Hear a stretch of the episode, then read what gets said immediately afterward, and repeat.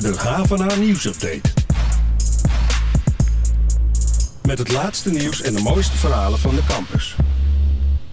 Ah, hallo, fijn dat je luistert naar de 16e editie van onze wekelijkse nieuwsupdate. Het is het einde van de 42e week van het collegejaar. Mijn naam is Carlijn Schepers en naast mij aan tafel zit Daniel Rommens. Hoi Daniel. Hi. We zitten weer in de glazen radiostudio in het Benno Premselahuis en het is weer iets minder vol dan vorige week. Toen hadden we namelijk zoveel gasten dat er eentje moest staan. Er was geen kruk meer voor hem. Zielig, hè? Ja, heel zielig. Eh, hopelijk gaat deze week de geluidsopname ook goed, want vorige week schrokken we ons een hoedje toen we na de tijd luisterden naar de podcast. Of niet, eh, Daniel? Nou, ik moet zeggen dat ik nu een beetje trillerig ben. Want Ja. ik weet niet of het nou vandaag goed gaat. Ik, ik hoop het wel. Eh, gelukkig liep er nog een backup opname mee en konden we jullie toch onze podcast laten horen. En die loopt vandaag ook mee. Gelukkig maar. Eh, nou, onze gast van vandaag is eh, Timo Schmidt. Hij is vierdejaars student media, informatie en communicatie en hij heeft net een bijzonder afstudeerproject afgerond.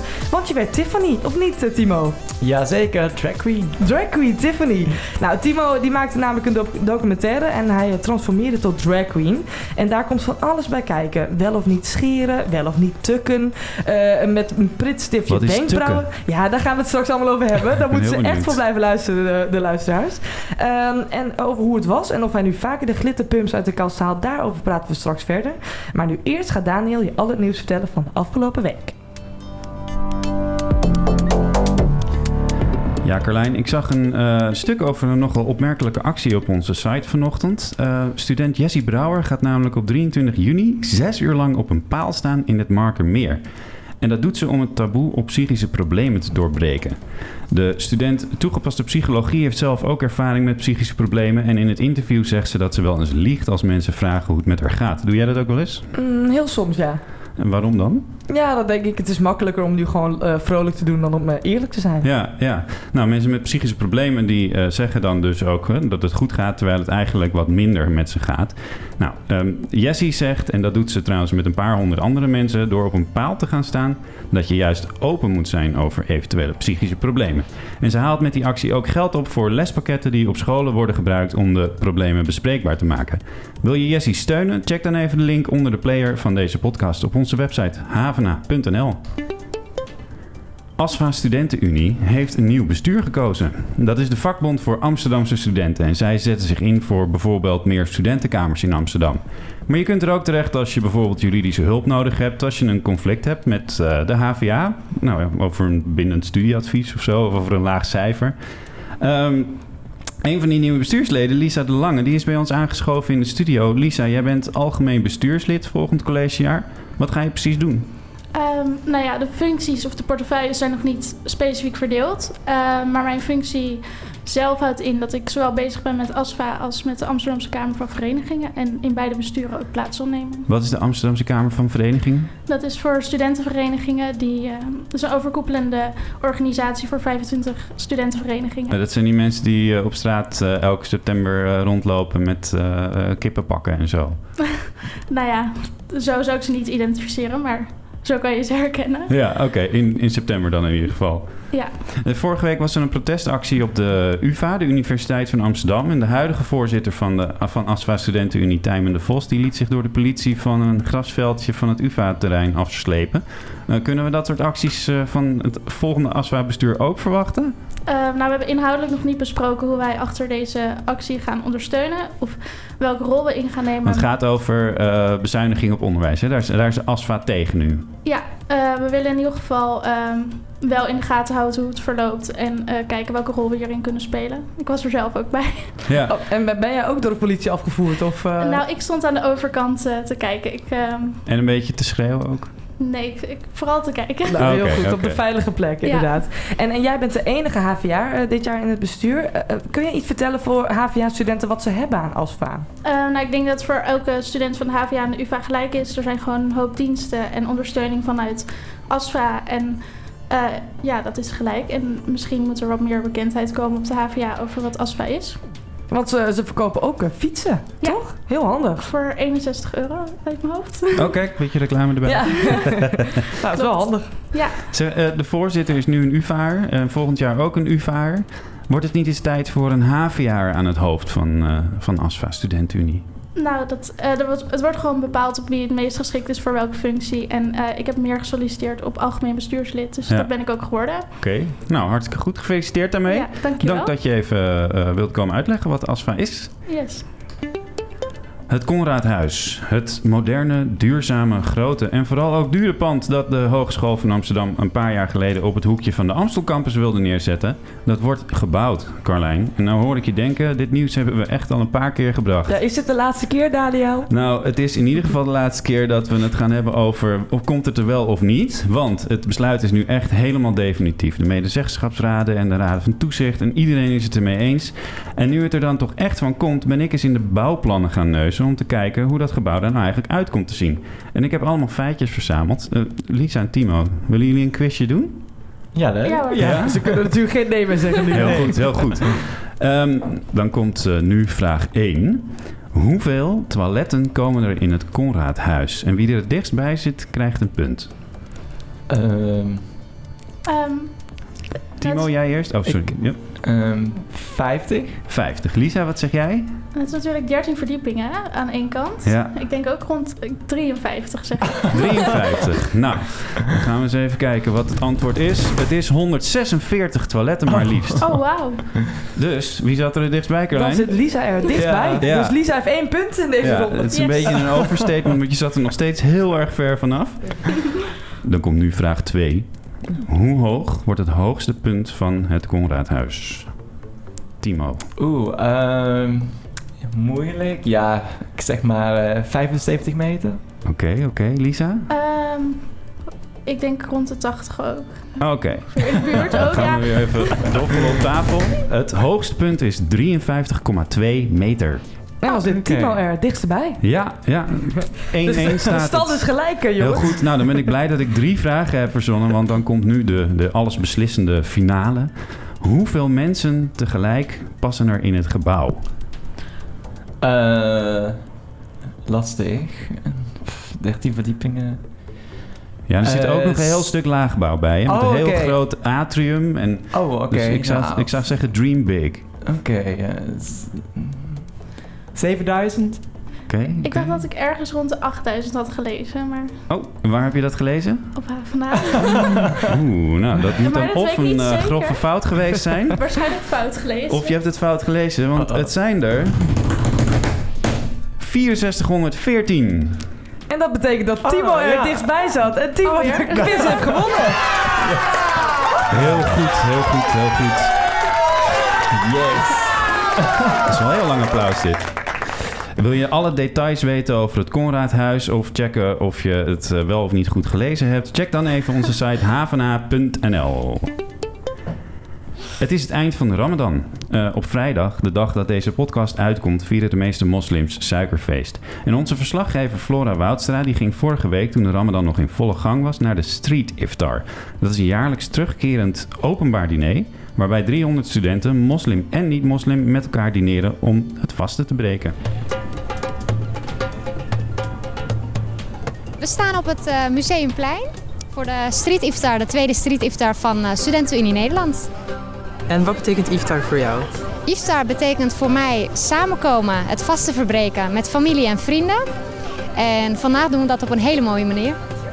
Iftar is in principe elke avond, toch? Dat is elke avond gedurende de Ramadan. Inderdaad. Maar dit is de enige die echt op straat plaatsvindt en Ja, massaal. klopt. Het is eenmalig per, eh, per Ramadan. Ik hoop dat er ook andersgelovigen, andersdenkenden tussen zitten, eh, die dit ook als een kans beschouwen om elkaar te ontmoeten. We zijn al maanden hiermee bezig en we proberen ja, inclusiviteit te brengen, eh, cohesie te vormen binnen de samenleving. eh, door hier een iftar te organiseren voor eh, 300 studenten. Ja, we hebben hier eh, Turkse moslims, Marokkaanse moslims, Algerijnen. Ja, we hopen hier ook eh, niet-moslims te zien. Eh, we hopen vooral Nederlanders te zien, omdat we op het Rijksmuseum zijn. Iftar is een moment waarbij mensen hun verschillen eh, naast elkaar laten en zich focussen op wat ze overeen hebben.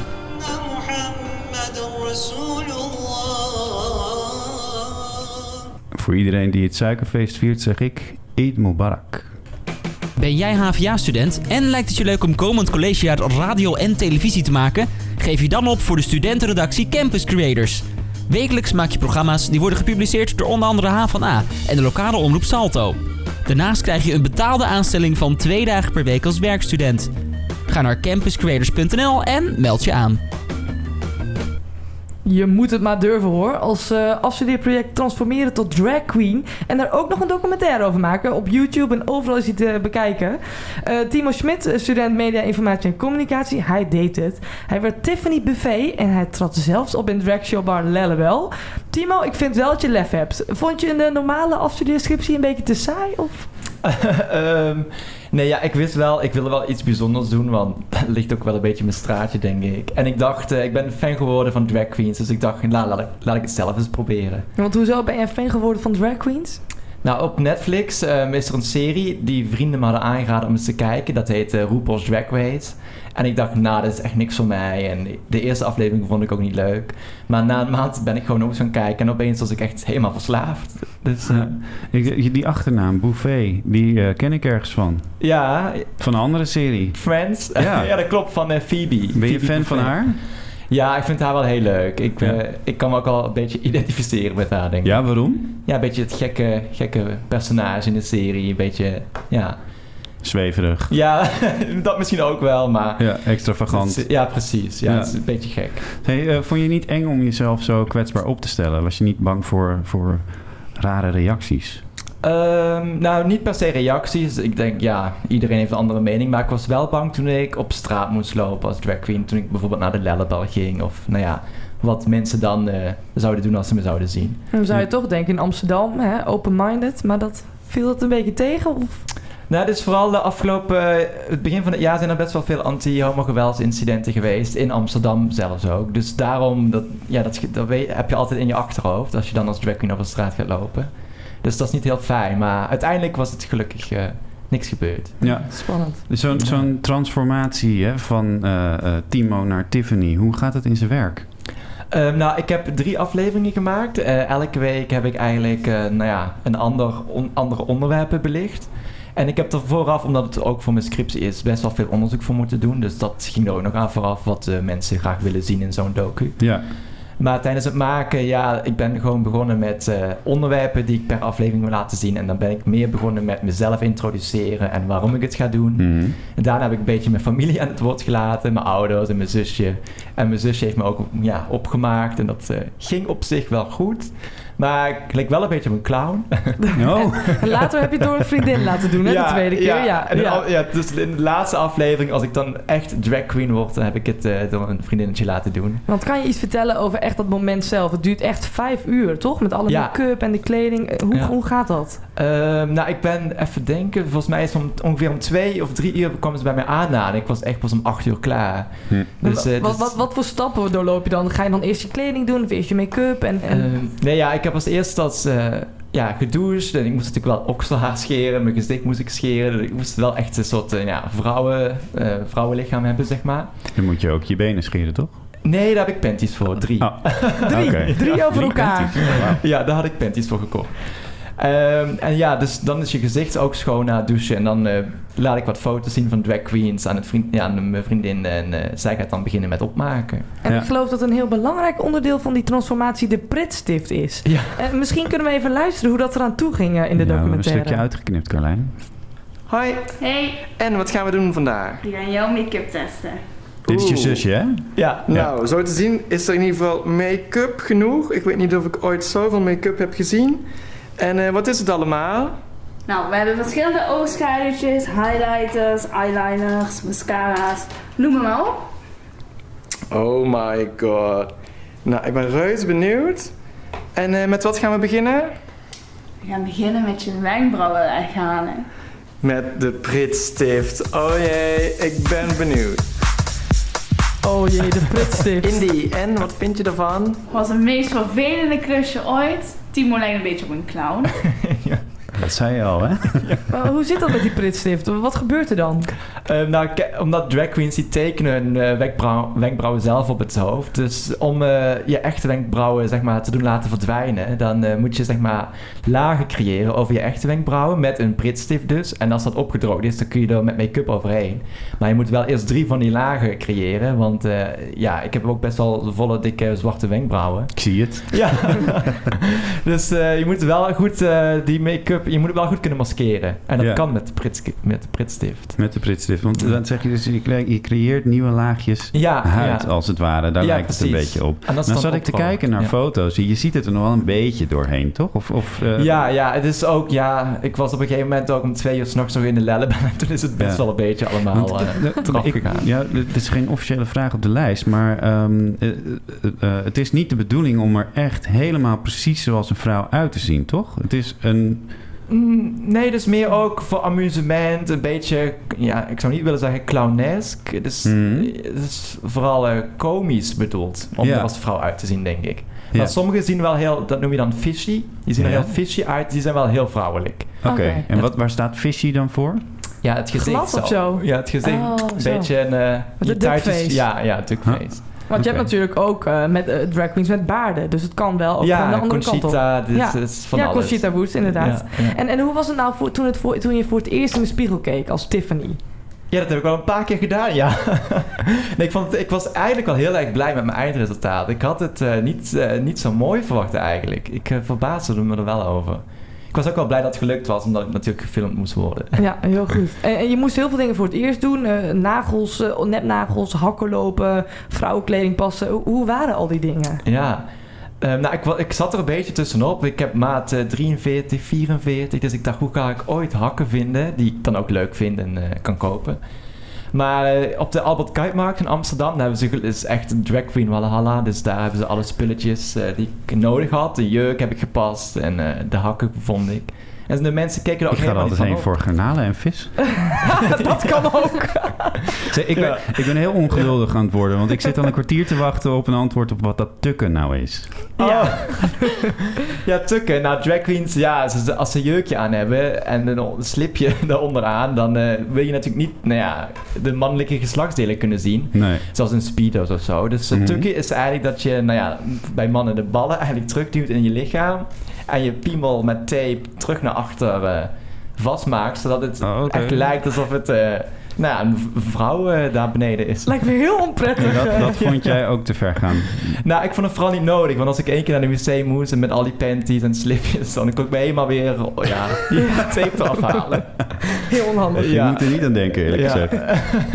en dan kom je uit een klein Limburgs dorpje, Gulpen. Hoe reageerden ja. ze daar? Want daar komt natuurlijk nooit een drag queen, of wel? Nee, nee, Gulp is denk ik misschien met carnaval, maar voor de rest nooit. Nee, uh, ja, ze reageren gelukkig wel allemaal goed. Ze vinden vooral ja, de vriend, mijn vrienden uit uh, Limburg die vinden het allemaal heel leuk dat ik het gedaan heb. Ik heb ook filmpjes en zo laten zien natuurlijk.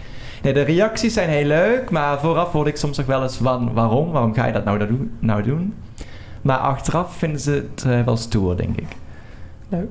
Hey, uh, je wilde met dit project stereotypen ontkrachten. Is dat gelukt? Uh, ja, ik denk het wel. Ik denk dat best wel veel mensen nu ook een beeld hebben dat uh, drag queen worden best wel een hele klus is en er heel veel verschillende drag queens bestaan. En het is, ja, en vooraf was dat beeld toch iets meer cliché van gewoon een gekke man die in de vrouwenkleren draagt. Er zit ja. een hele wereld achter. Wil ja, laten zien. ja, dat is ja. ook echt werk voor sommige mensen. Ja. Dus, uh. en, en denk je dat je nu vaker gaat transformeren tot Tiffany? Of, of blijven de, de hoge pumpsen in de, hak sta, in de kast staan? Uh, voorlopig wel, maar ik, uh, oh, ik, kan geen, ik kan mijn make-up natuurlijk niet zelf doen. En dat is een beetje wat dwars ligt. Maar wie weet, ik vond, wie weet dat ik er nog eens als Tiffany tevoorschijn kom. Ja. Carlijn, wat gebeurt er komende week op de HVA? Nou, uh, best wel veel, maar ook buiten de HVA. Wat leuk, uh, wat interessant is voor uh. Zaterdag is namelijk het Campus Doc International Film Festival in Utrecht. En dat betekent een, week, een weekend lang documentaires gemaakt door studenten. En daarvan is een, een groot deel geproduceerd door HVA-studenten. HVA zoals de documentaire Hoezeer voel jij? En vanaf vandaag is op hvna.nl een interview te lezen met Tessa. Zij is een van de makers en speelt ook de hoofdrol in de documentaire. Tessa heeft namelijk chronische pijn aan de linkerkant van haar lichaam maar hoe dat voor haar is, kan de buitenwereld moeilijk begrijpen. Want als je pijn hebt, kun je toch niet snowboarden, surfen, dansen, hockeyen en altijd zo vrolijk zijn. Eh, nou, als jij Tessa... ik heb, sorry, Ja. ja. ik heb van de week een eh, fotoshoot gehad met iemand die ook chronische pijn heeft. En die zei dat het wel ongemakkelijk was, maar dat je er wel echt meer leert leven ook. Ja, precies. En, en ze, ja, ze is gewoon heel vrolijk, dus heel vaak kun je het niet zien. Ik bedoel, als iemand Nee. iets aan zijn been heeft, kun je het zien. Maar goed, als jij Tessa wel wil begrijpen, lees dan haar hele verhaal op onze website. En nou, eh, verder is het festivalseizoen duidelijk gestart, want er is nog een festival volgende week. Het We Make the City Festival. En dat is van 20 tot en met 24 juni. En ook hier is er, voor, voor zover wij weten, geen menigte dansende mensen, drugs en harde muziek. Maar wel Amsterdammers, studenten, ondernemers, wetenschappers, ambtenaren, professionals en nog veel meer mensen die nadenken over allerlei stedelijke vraagstukken in Amsterdam. Eh, en op dat festival zijn 16 project- projecten die worden georganiseerd door HVA'ers. Heel goed. Volgende week zijn Carlijn en ik er weer met een nieuwe nieuwsupdate. Maar je kunt natuurlijk de hele week op onze site terecht als je dagelijks op de hoogte wil blijven van alle leuke en belangrijke verhalen die we maken. En vergeet ons vooral niet te volgen op SoundCloud en iTunes voor deze podcast. Maar ook op Instagram, Facebook, Twitter, LinkedIn en ons videokanaal op YouTube. Timo en Lisa, hartstikke bedankt. Ja. leuk dat jullie erbij waren. Zeker. Daniel, jij ook bedankt. Ja, jij bedankt. Eh, en jullie allemaal bedankt voor het luisteren. En tot volgende week.